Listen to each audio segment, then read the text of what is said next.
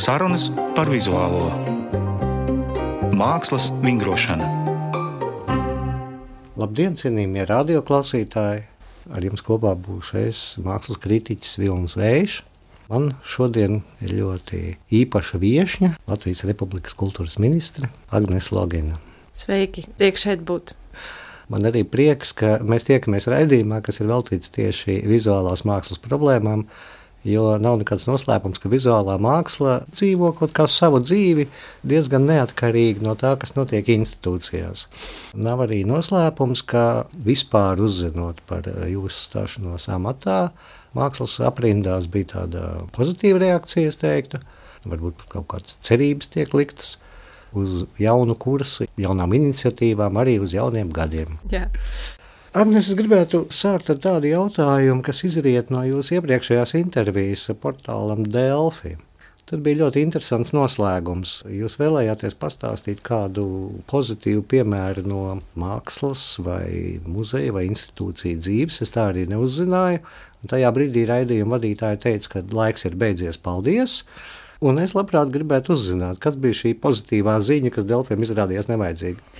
Man būs diezgan izaicinoši šeit restaurēt savu domu gaitu tieši šajā kontekstā, bet, eh, ja es pareizi atceros, tad es gribēju pastāstīt par to, ka kultūras nozarei, kurai es esmu piederējis jau ilgāku laiku, un tagad man ir šis pienākums, gods um, arī būt šīs nozares ministrei. Kultūras nozarei ir raksturīgi tas, ka tā ļoti kritiski spēja skatīties uz, uz notiekušajiem procesiem kopumā, identificēt problēmas, saprast tos riskus, kas parādās, kā arī dzen, nākt klajā ar konstruktīviem, jēgpilniem risinājumiem. Un to es redzu arī jau savā darbā tagad ar dažādiem. Nu jā, jau satiekoties ar dažādām padomēm, kuras kultūras ministrijas patpārnē ir visnotaļ daudzas, tiekoties ar nozars pārstāvjiem, un neatceros konkrēti to piemēru, kur es gribēju teikt par to, ka nozara ir identificējusi riskus un, uh, un tādas problēmas, un pat jau nāk uz klajā ar risinājumu, bet es varu šobrīd pieminēt to, ko es tikko atcerējos, kas ir viens tāds, manuprāt, ļoti iedvesmojošs piemērs, ir, um, ka kino nozare. Tātad, man liekas, tāda bija tāda intensīva sadarbība starp uh, Kino producentu asociāciju un uh, kinocentru un uh, vēl citiem nozares pārstāvjiem. Nāk klajā ar uh, jaunu nodevu, ko ieviest, kas būtu tieši um, satura izplatītājiem, satura radītājiem, uh, Un tas kā, tiek vērtēts uh, darba grupās un, un potenciāli tiks ieviests. Nu, to tautā var vienkārši saukt par Netflix nodevu. Uh, mm. Te būs tāds, uh, tāds nu, garāks nosaukums, ja tā tiek ieviesta, bet tā tad, nu, piemēram, tāds, uh, tāds piemērs no dzīves, kas jau norisinās no šī gada februāra, ja saprotu pareizi, ka viņi uzsāk darbu jau, jau šī gada sākumā pie tā, lai izpētītu. Kāds strādā, šāda nodeva eksistē citur, jau, es saprotu, 17 Eiropas valstīs, īsumā tā doma tāda, ka lielie um, satura radītāji maksā nodevu tajā valstī, kurā viņi strādā. Mm. Un, uh, un tad, nu, tā kā ar to nodevu vai nu papildus rada saturu, vai, vai papildina tā, tās valsts budžetu ar, ar kaut kādu konkrētu nodevu. Šis tā tad ir mehānisms, kas strādā jau citur, un uh, man liekas, tā ļoti pozitīvi, ka nozara pati nāk ar piedāvājumu, ka, hei, paskatāmies, vai tas mums arī šeit strādātu. Tas liek man uh, padomāt par to, vai vizuālās mākslas nozare arī nevarētu ieviest kaut kādu mehānismu. Kā mēs to varētu darīt? Mēs varētu kādā veidā sazināties. Jo mans jautājums ir plašāks. Mākslinieks strādā pa vienam. Parasti viņi strādā savā darbnīcās, ja nav darbnīcas, tad virtuvēs, vēl kaut kādās telpās. Un faktiski ir lieli vieninieki. Kāds te būtu ieteikums nozarei uzvesties? Tas ir sarežģīts jautājums, jo, protams, um, ir nozares kultūrā, kuras ir pēc būtības tādas jau ļoti kolektīvas. Nu, tas pats mans pieminētais kino nozara, uh, teātris nozara, mūzikas nozara, kur nu, vienkārši lai, lai tas kultūras notikums taptu. Uh, nu, ir jāsadarbojas, kas, protams, uzreiz nozīmē to, ka ir jādibina kontakti, ir jāstiprina tā iekšējā nozara un tam līdzīgi. Bet uh, literātiem un, viz, un māksliniekiem ir ar šo ir drusku sarežģītāk. Un, um, ja nu nav to tādu, nu jā, nav nepieciešams varbūt tā kā strādāt kolektīvā. Um, Nu, šeit uh, tas eksistējošais mehānisms, kas jau ir, protams, ir šīs nozara padomas uh, kultūras ministrijā, kas tātad ir gan vizuālās nozares padome. Um, Jā, bet nu, ir arī radošās savienības, bet nu, tas, ir, tas ir jautājums, kas ir jāpilnveido. Man šobrīd nav tādas ātras mm -hmm. atbildes, bet um, nu, tas, ko es gribu izcelt šajā brīdī, ir arī tas, ka nu, kas droši vien vizuālās mākslas nozarē varētu būt uh, priekpilna ziņas, ir tas, ka man biroja vadītāji ir no šīs nozares, uh, tātad pie manis. Uh, Atnāca strādāt, un man, man biroja vadītāja ir Līna Pirzaka Priekula, kas ir. Jā, mēs to pamanījām. un uh, man liekas, ka tās nozarē ir labas ziņas, un tad uh, nu, atradīsim uh, jēgpilnus veidus, kā nodrošināt tiešām tādu labāku vizuālās mākslas pārstāvniecību. Mm -hmm. Jo nu, Līnai, man liekas, tiešām šīs problēmas ir labi zināmas. Bet nu, izvēlēties biroja vadītāju, man bija, nu, vispār izvēlēties savu komandu, man bija ļoti būtiski, ka man ir blakus cilvēki, kuriem ir tādas zināšanas un kompetences un prasmes, kāda man nav.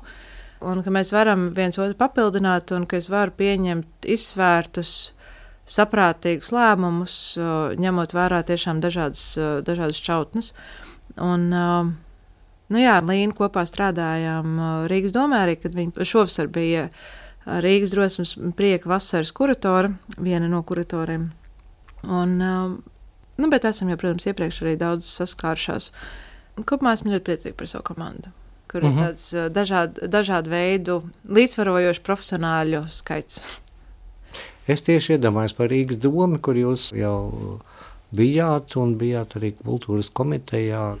Un tad man atmiņā ir tāda nesena diskusija, kas notika um, bioloģijas fakultātē bijušajā, un kur tika apspriesti tādi nu, diezgan skandalozi gadījumi, kā par Rīgas pilsētas naudu organizēti kultūras pasākumi nevar notikt tādēļ, ka citas struktūras kaut ko nesaprota. Vai, ar vārdu sakot, kad vienkāršas lietas kļūst nenormāli sarežģītas. Un, Un tad man ir atmiņā, protams, kaut kādi burvīgi 90. gadi, kad naudas droši vien bija vēl mazāk nekā tagad māksliniekiem, bet visu varēja sarunāt. Mm. Tā tad ar kaut kādu iniciatīvu varēja doties gandrīz jebkurās durvīs, stāstīt, ko tu vēlies.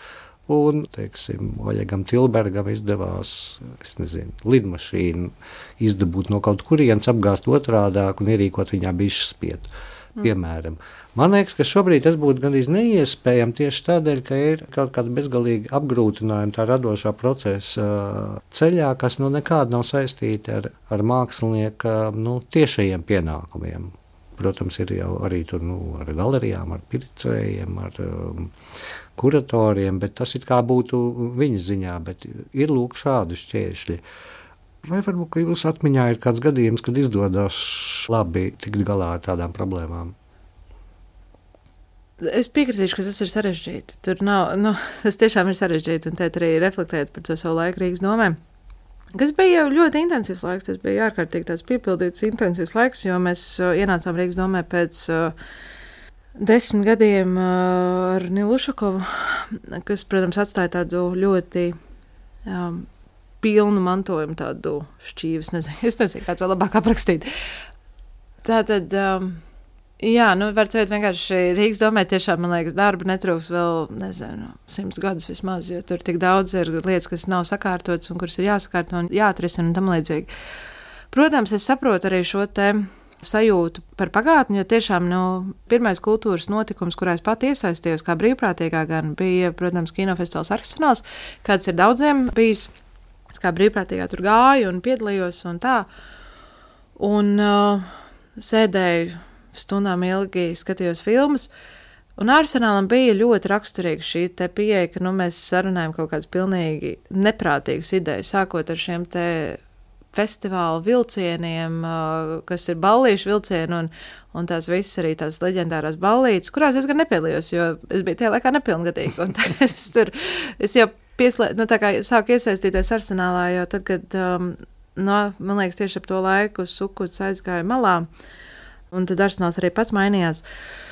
Bet uh, nu, no otras puses, man pašai kā cilvēkam un kā politiķai struktūra un programma liekas, no struktūra un, un tāds izprotams, loģisks, caurskatāms process liekas pareizāks variants. Tas noteikti ir um, pareizāk saistībā ar, ar nu, finansējumu izmantošanas caurspīdīgumu, jo mums ir jābūt skaidram, kur aiziet publiskā nauda un kas ir tie notikumi, kur tas aiziet un tam līdzīgi. Atbildot uz jautājumu par to, vai ir pozitīvas ziņas, nu, es gribu teikt, ka survival kit uh, vidzemes tirgu ir pozitīvas ziņas, jo tie birokrātiskie džungļi, kuriem izgāja cauri, uh mhm. -huh. lai šo vispār ieviestu, nu, tas process ir bijis gadiem ilgs patiesībā. Nu, survival kits vienkārši ir pirmie, kas varbūt uh, plūc tos augļus, bet uh, vidzemes tirgus teritorijas atgriešana pilsētniekiem un jaunas elpas iedvešana tur ir bijis uh, vairāk man, nu, jau bijušo kolēģu uzmanības fokusā nu, vismaz no tāda, man liekas, 19. gada. Man kolēģe, mīļa draudzene Alīta Turlaja, pie jautājumiem par to, ko darīt ar vidzemes tirgu, manuprāt, strādā vismaz no 18. gada vai 19. gada vēl kā aktīvisti, arī kā pilsētas aktīvisti. Un, uh, un tagad, um, nu jā, arī uh, Ines Andersona, pilsētas attīstības komitejas vadītāja, ļoti aktīvi šim procesam pieslēdzās un izdevās atrast veidu, kas nebija nesāpīgs. Tas bija tas viens no gadījumiem, ko jūs pieminējāt. Tas arī bija tieši Rīgas nama gadījums. Jep. Bet uh, nu, tā kā tas survival kits izdevās, tā, tas man liekas, ir tas pozitīvais šeit. Jo droši vien tā problēma sakne ir, ir 90. gadu avangardiskās idejas saistībā ar īpašumu pārvaldīšanu, kas tiešām, nu, tā kā es nezinu, ko cilvēki darīja 90. Es tajā laikā biju bērns, bet, nu, tā kā tie lēmumi, kas ir rezultējušies tajā, kā īpašumi ir saskaldīti, nu, tas nav normāli. Un tas tiešām ieliek ļoti daudz kloķus, uh, nu, pasākumu organizēšanā un tam līdzīgi. Jo, nu, tur tās situācijas, kur, uh, nezinu, nu, jā, dalītais īpašums, kas vienkārši sagādā ļoti daudz problēmas. Tā bija Rīgas doma, par ko mēs runājām. Tas pats noteikti jums turpināsies valsts līmenī. Jā, jo, parādās, jā. Es no Māras Lācis esmu diezgan bieži dzirdējis, ka jūs prasījāt, kur paliek publiskā nauda. Jā. Lielākoties viņi paliek ēkas īrē, elektrībā un uh, siltumā, Jā. bet uh, skatītāji, protams, nenāk baudīt uh, tikai elektrību un siltumu, jo tā būtu vienkārši patvērsme. Viņi nāk baudīt to mākslas piedāvājumu. No otras puses, mēs arī atceramies, ka, kad uh, mākslas muzejs atvēra telpas pēc remonta, tad uh, mm -hmm. cilvēks stāvēja rindās, lai apskatītu telpu bez mākslas, kas arī kaut ko pasaka par mums drusku. Tā ir labā ziņa. Tas nozīmē, ka atverot jebkuru jaunu kultūras iestādi, te ir jau garantēts sākotnējais skatītājs. Un bažām par to, vai nāks cilvēki, kādas es atceros gan par Fórumu cinemā ēku, Jā. gan par uh, arēnas Rīga būvniecību, ka tām nekad nav pamata, Jā. jo vienmēr tie cilvēki nāk un aizpilda. Varbūt tagad ir labs laiks ķerties klāt pie muzeja jautājuma. Nu, Vispārīgi skatoties, jā, tas, tas ir arī viens no jautājumiem. Um, es saprotu, ka droši vien jautājums bija, vai raidījumā mēs tagad uh, varam tam ķerties klāt, bet, uh, bet kopumā tas jau ir manā dienas kārtībā. Nu, es te tā ļoti, ļoti mēģināšu izlavierēt, bet kopumā nu, mēs esam pēdējās dienās tikušies ar vairākām iesaistītām pusēm. Skatāmies variantus, skatāmies uh, attīstības scenārijus un tam līdzīgi. Tur ir pāris ļoti nopietnas lietas, kas ir jāizrunā un jāizdiskutē. Mana apņēmība ir, ka kamēr es esmu enerģijas pilna vēl un, uh, un tiešām um, gatava arī strādāt. Nu, es nedomāju, ka tas mainīsies vēlāk. Vienkārši es domāju, ka politikai ir tendence ievilkt un drusku apstādināt kustības ar to milzīgo tādu, nu, lejupējošo dienu. Es nezinu, kā aprakstīt. Vienkārši to, ka ļoti bieži. Nu, principā, nu, tas galvenais brīdis, kad vispār kaut ko var izdarīt, ir tad, kad tu sācis strādāt. Jo tajā brīdī tu vēl neesi iejaukts tajā visā priekšvēsturē un nees iejaukts kaut kādās arī savstarpējās attiecību peripētījās, kas ir neizbēgams. Ir ceļš tādā valstī kā Latvija, kur ir objektīvi maza, maza iedzīvotāju skaitu. Līdz ar to es plānoju šo savu pirmo mēnešu enerģiju ļoti lielā mērā veltīt tieši nu, laikmatīgās mākslas muzeja mu, attīstības jautājumam, rēķinoties, ka pēc tam tas paliks grūtāk. Bet nu, tas mans plāns, kas jau ir izdiskutēts arī vizuālās nozares padomē, es saprotu, nu, es tur vēl iepriekš nepiedalījos, bet tagad man padomēm būs vairāk jāstrādā.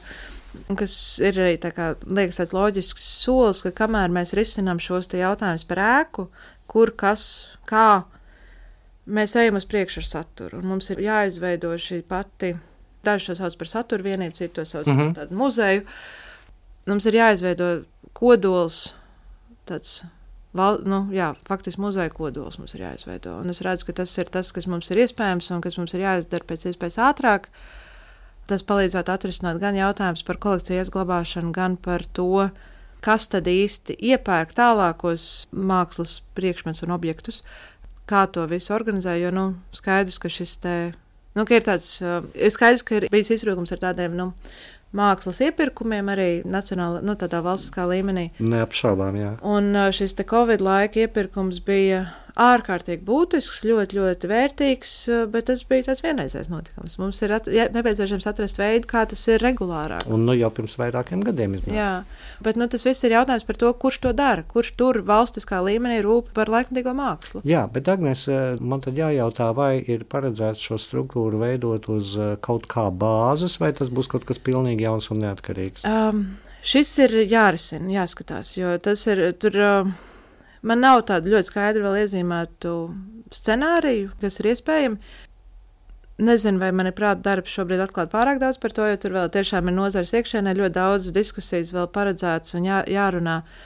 Bet, uh, Bet no jūsu jā. vīzija iedomā vienkārši. Nu, es redzu, ka ir plusi abiem variantiem. Es redzu, ka ir plusi abiem variantiem un mīnus, jo, piemēram, nu, nu, gan tas, ka tas ir pilnīgi kaut kas jauns, gan tas, ja tas ir uh, kaut kam papildus. Tas, kas šeit būtiskākais ir sasniegt stabilitāti, to, ka tas var strādāt uh, pēc iespējas ātrāk un ka ir kur glabāt kolekciju. Jo nu, man ir ceļš kā cilvēkam, kas nāk no muzeja jomas, pēdējos gados, nu, es esmu 18 gadus pavadījis kino muzejā. Es zinu, ka nu, tā kolekcijas daļa ir kaut kas tāds, kas skar reāli tikai profesionāls, bet tas ir, nu, tas ir būtiskākais. Tā ir viena, nu, labi, es zinu, ka man vienmēr tur iebilīs, ka nē, būtiskākais ir izrādīt tam līdzīgi, bet mums nebūs ko izrādīt, ja mēs nevaram to saglabāt. Un tāpēc man tie jautājumi par glabāšanu un par kolekcijas jā, uzturēšanu šķiet ārkārtīgi būtiski šeit. Mm -hmm. Es zinu, ka es atbildēju izvairīgi, bet uh, jā, tas, tas bet... politiķu dzīves tāda realitāte, ka nevar pateikt par daudz, jo vienmēr, jebkura lieta, ko tu pasaki, tev ir jārēķinās, ka pēc pusotra mēneša vai, nezinu, trim gadiem to izgriezies un pajautās tev, nu, ko tu ar to biji domājis. Labi, tas būtu par šo komandu, kas ar to nodarbojas. Tas tiešām ir apsveicami, jo muzejam ir jābūt saturam. Un, uh, es pat nezinu, vai teiksim, atverot uh, pēkšņi no gaisa nokrītot muzeja ēkai rīt, mēs būtu gatavi viņu kvalitatīvi, kvalitatīvi aizpildīt. Piedošanas vienkārši uzreiz gribu pastāstīt to, ka nu, mēs jau redzam tos cenzūras taustekļus, kas, kas visu laiku arī izpla, nu, taustās pa Latviju. Un, uh, vislielākās, visasākās reakcijas ir pret laikmatīgās mākslas notikumiem un darbiem. Un, uh, tad, kad es tikko sāku Rīgas domē, nu, pirmajā gadā mums bija uh, Brektas murāļu stāsts, kas mm -hmm. vienkārši ir. Nu, Manuprāt, visnotaļ nevainīgs morāls, no nu, tāda pilsētvidas māksla, kas izsauc ārkārtīgi negaidītu asu reakciju. Un, uh, un tas man tā kā toreiz sāka likt domāt par to, ka tiešām, nu, ja mēs rīt varam atvērt laikmatīgās mākslas muzeju, vai viņi neizdomālēs? tā kā vai tur nebūs tāda veida reakcija, jo pat tam morālim kaut ko uzmet virsū arī. Viņi, viņi tā kā tur uzmet, man liekas, kaut kādu biešu zupu vai ko, nu, kaut ko var teikt, viņu mēģināja izkropļot. Viņš ir, jā, laikam, mazliet papildināts. Bet jā. man tad jautājums tieši šajā sakarā ir, nu, labi, bet kā jūs iztēlē redzat to vietu, kurā jūs nonākat pēc desmit gadiem, pieņemsim. Tas ir atkal kārtējais pilots pilotu projekts kā spīķeri vai Andreja sala vai kaut kas ar aplupušām sienām, kur neviens cits dzīvot negrib un mitrums ceļās no zemes. Vai tās ir tomēr svaigas speciāli piemērotas, būvētas šim nolūkam telpas. No kā es atvedinu arī to, kādēļ pret to mākslu izturās kā pret tādiem ielu parazītiem, mm. kas ir padzenami prom, kuri, protams, neatrodas smalkos birojos. Es gribu sākt ar to, ka, manuprāt, arī ir iespējams pielāgot telpas tā, lai tās arī izskatās mūsdienīgas un, un laikam tam atbilstošas. Saprotu šo komentāru par um, tādu, es nezinu. Nolietoto šiku, es nezinu, kā to aprakstīt, bet tā ir tāda ļoti populāra pēdējo Jā. gadu estētika Latvijā. Jau gadus 30, es teiktu. okay, man, es biju identificējis kaut kādā pēdējo 10, 15 gadu laikā, bet mm -hmm. laikam tas ir stipri sanāk jau. Tas ir mēģinājums bieži vien defektu pārvērst par efektu. Bet, nu, mm -hmm. Tas mhm. nozīmē, to, ka ļoti daudz tiešām mums tādas vietas, kur mēs ejam, kur mēs apgrozāmies, nu, izskatās tādas nu, atgrieztas dzīvē.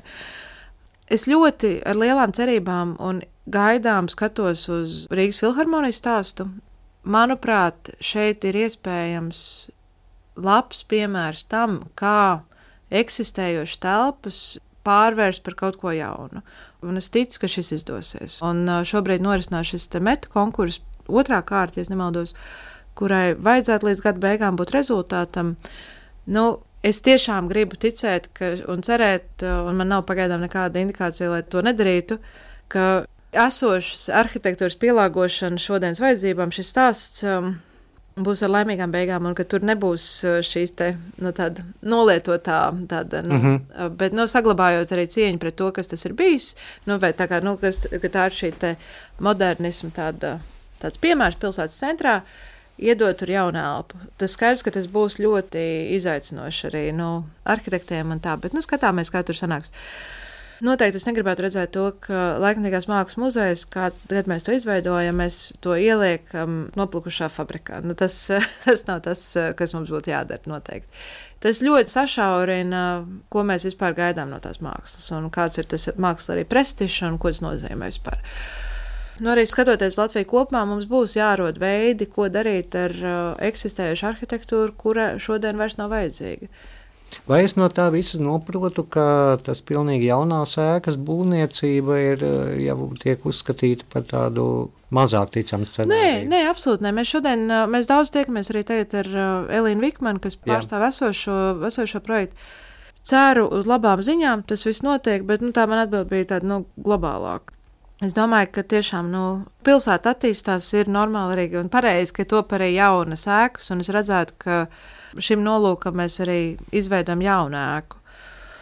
It sevišķi ņemot vērā to, ka ir kaut kāds mīts par to, ka esoša ēku pielāgošana jaunām vajadzībām ir stipri lētāka, bet tā nav. Jo nu, tā kā daudz kas no tā, kas ir būvēts pēdējo 50, 100 gadu laikā, Nu, tur vidas pieejamības jautājumi vispār nav risināti. un, un tur ir ļoti slikta ar energoefektivitāti un, un visām šīm lietām.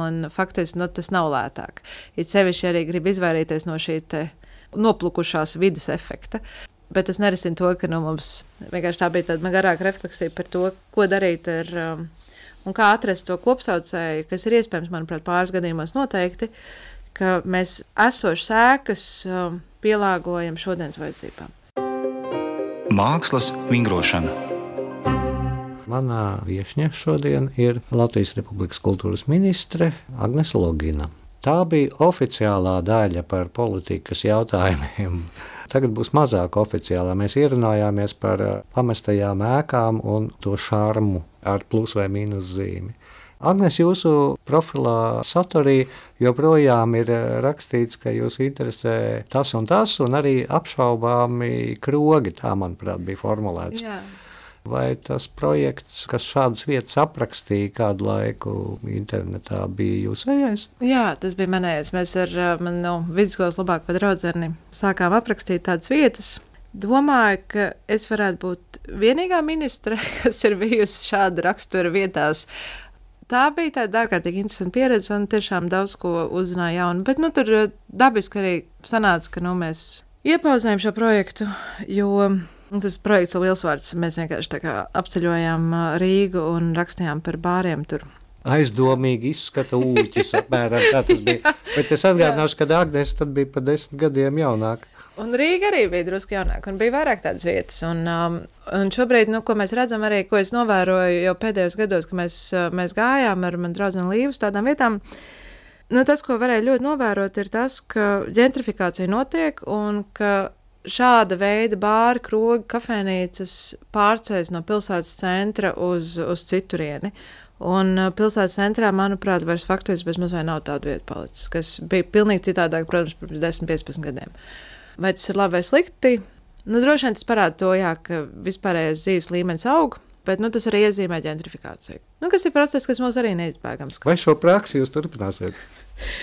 Ko es esmu novērojis, ir tas, ka, ja es vēlos uh, sajusties nemanāma un nepamanīta, ir ļoti labi aiziet uz citu veidu vietām. Jo Rīga ir ļoti noslēņota pilsēta. Un, piemēram, Nē, esmu vēl mēģinājis tagad, jaunajā statusā, bet uh, agrāk bija tā, ka tad, kad man bija nepieciešams kaut kādas tādas salīdzinoši nopietnas sarunas, es uh, secināju, ka, teiksim, no lausnams ir ļoti laba vieta tādām, jo tur no nu, tā iespējamība, ka tu kādu satiec un ka tevi noklausās, ir maza.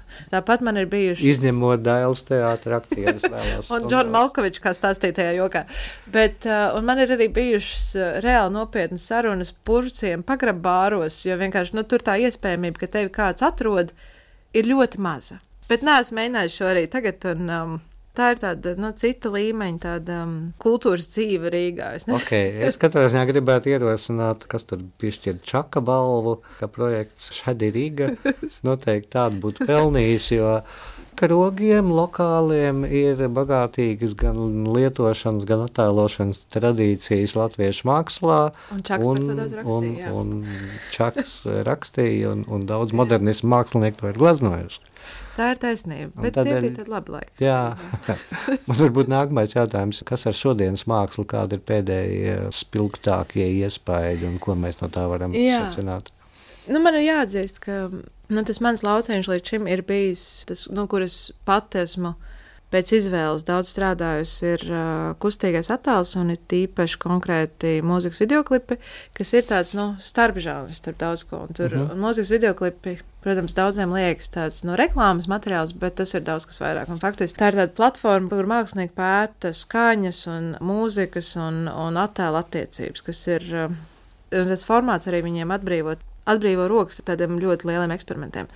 Tad deviņus gadus esmu veidojusi Rīgas starptautiskā kinofestivāla Baltijas mūzikas videoklipu konkursu, un mm. uh, tad man sanāca tā, ka es nodevu kolēģiem programmu, un pēc nedēļas kļuvu par ministru. Un tad tagad es pat nevaru vairs promotēt savu programmu, ko es izveidoju, bet no šo programmu veidojot, man vienmēr bija tāds nu, ļoti interesants arī mākslinieckais piedzīvojums, jo nu, es tā kā tiešām pavadu daudz laika Skatoties, kas notiek uh, Lietuvā, Igaunijā, Latvijā, pārsvarā tā, tā ir tāda underground uh, mūzika, uz kuras skatos, bet tas nav obligāti. Um, man ir bijuši programmā arī daudz tādu nu, popzvaigznes, tāda popmūzika, bet no tādiem pēdējo laiku atklājumiem man liekas, tas ļoti interesants ir lietuviešu mākslinieka mūziķa Jonas Šarkus projekts Punkto Viņš pats ir no grupas solo ansamblis, kas ir ļoti liela lietuviešu alternatīvā grupa ar eh, lielu sekotāju skaitu, visnotaļ populāri.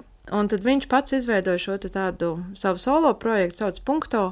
Eh, pagājušajā gadā viņa arī uzvarēja Baltijas mūzikas videoklipu konkursā. Šogad viņš uztaisīja jaunu videoklipu, ko es arī iekļauju programmā, kuras vairs nevarēšu pati novadīt. Bet, um, Pilnīgi cita stilistika, pilnīgi cita veida darbs, bet kaut kas tiešām ļoti interesants un svaigs. Un, uh, tas bija kaut kas tāds, kas man patīkami pārsteidza. Bet tā no, no klasiskākas vizuālās mākslas, tieši kas nav tāda starpdisciplināra māksla. Augusta pirmajā pusē es pavadīju, gandrīz nedēļas pavadīju Daugopilī. Rotko centrā bija Baltijas muzeoloģijas vasaras skolas šī gada skola, kur bija runa par muzejiem un robežām, un tas viss notika Rotko centrā. Un tad mēs arī, protams, iepazināmies ar Rotko centra aktualitātēm un tur notiekošo. Iepazināmies ļoti ātri ar jaunajiem sešiem rotko darbiem, kas ir interesanti. Iesaku visiem aizbraukt, apskatīties, un vispār uh mhm. -huh. iesaku apceļot vairāk Latviju.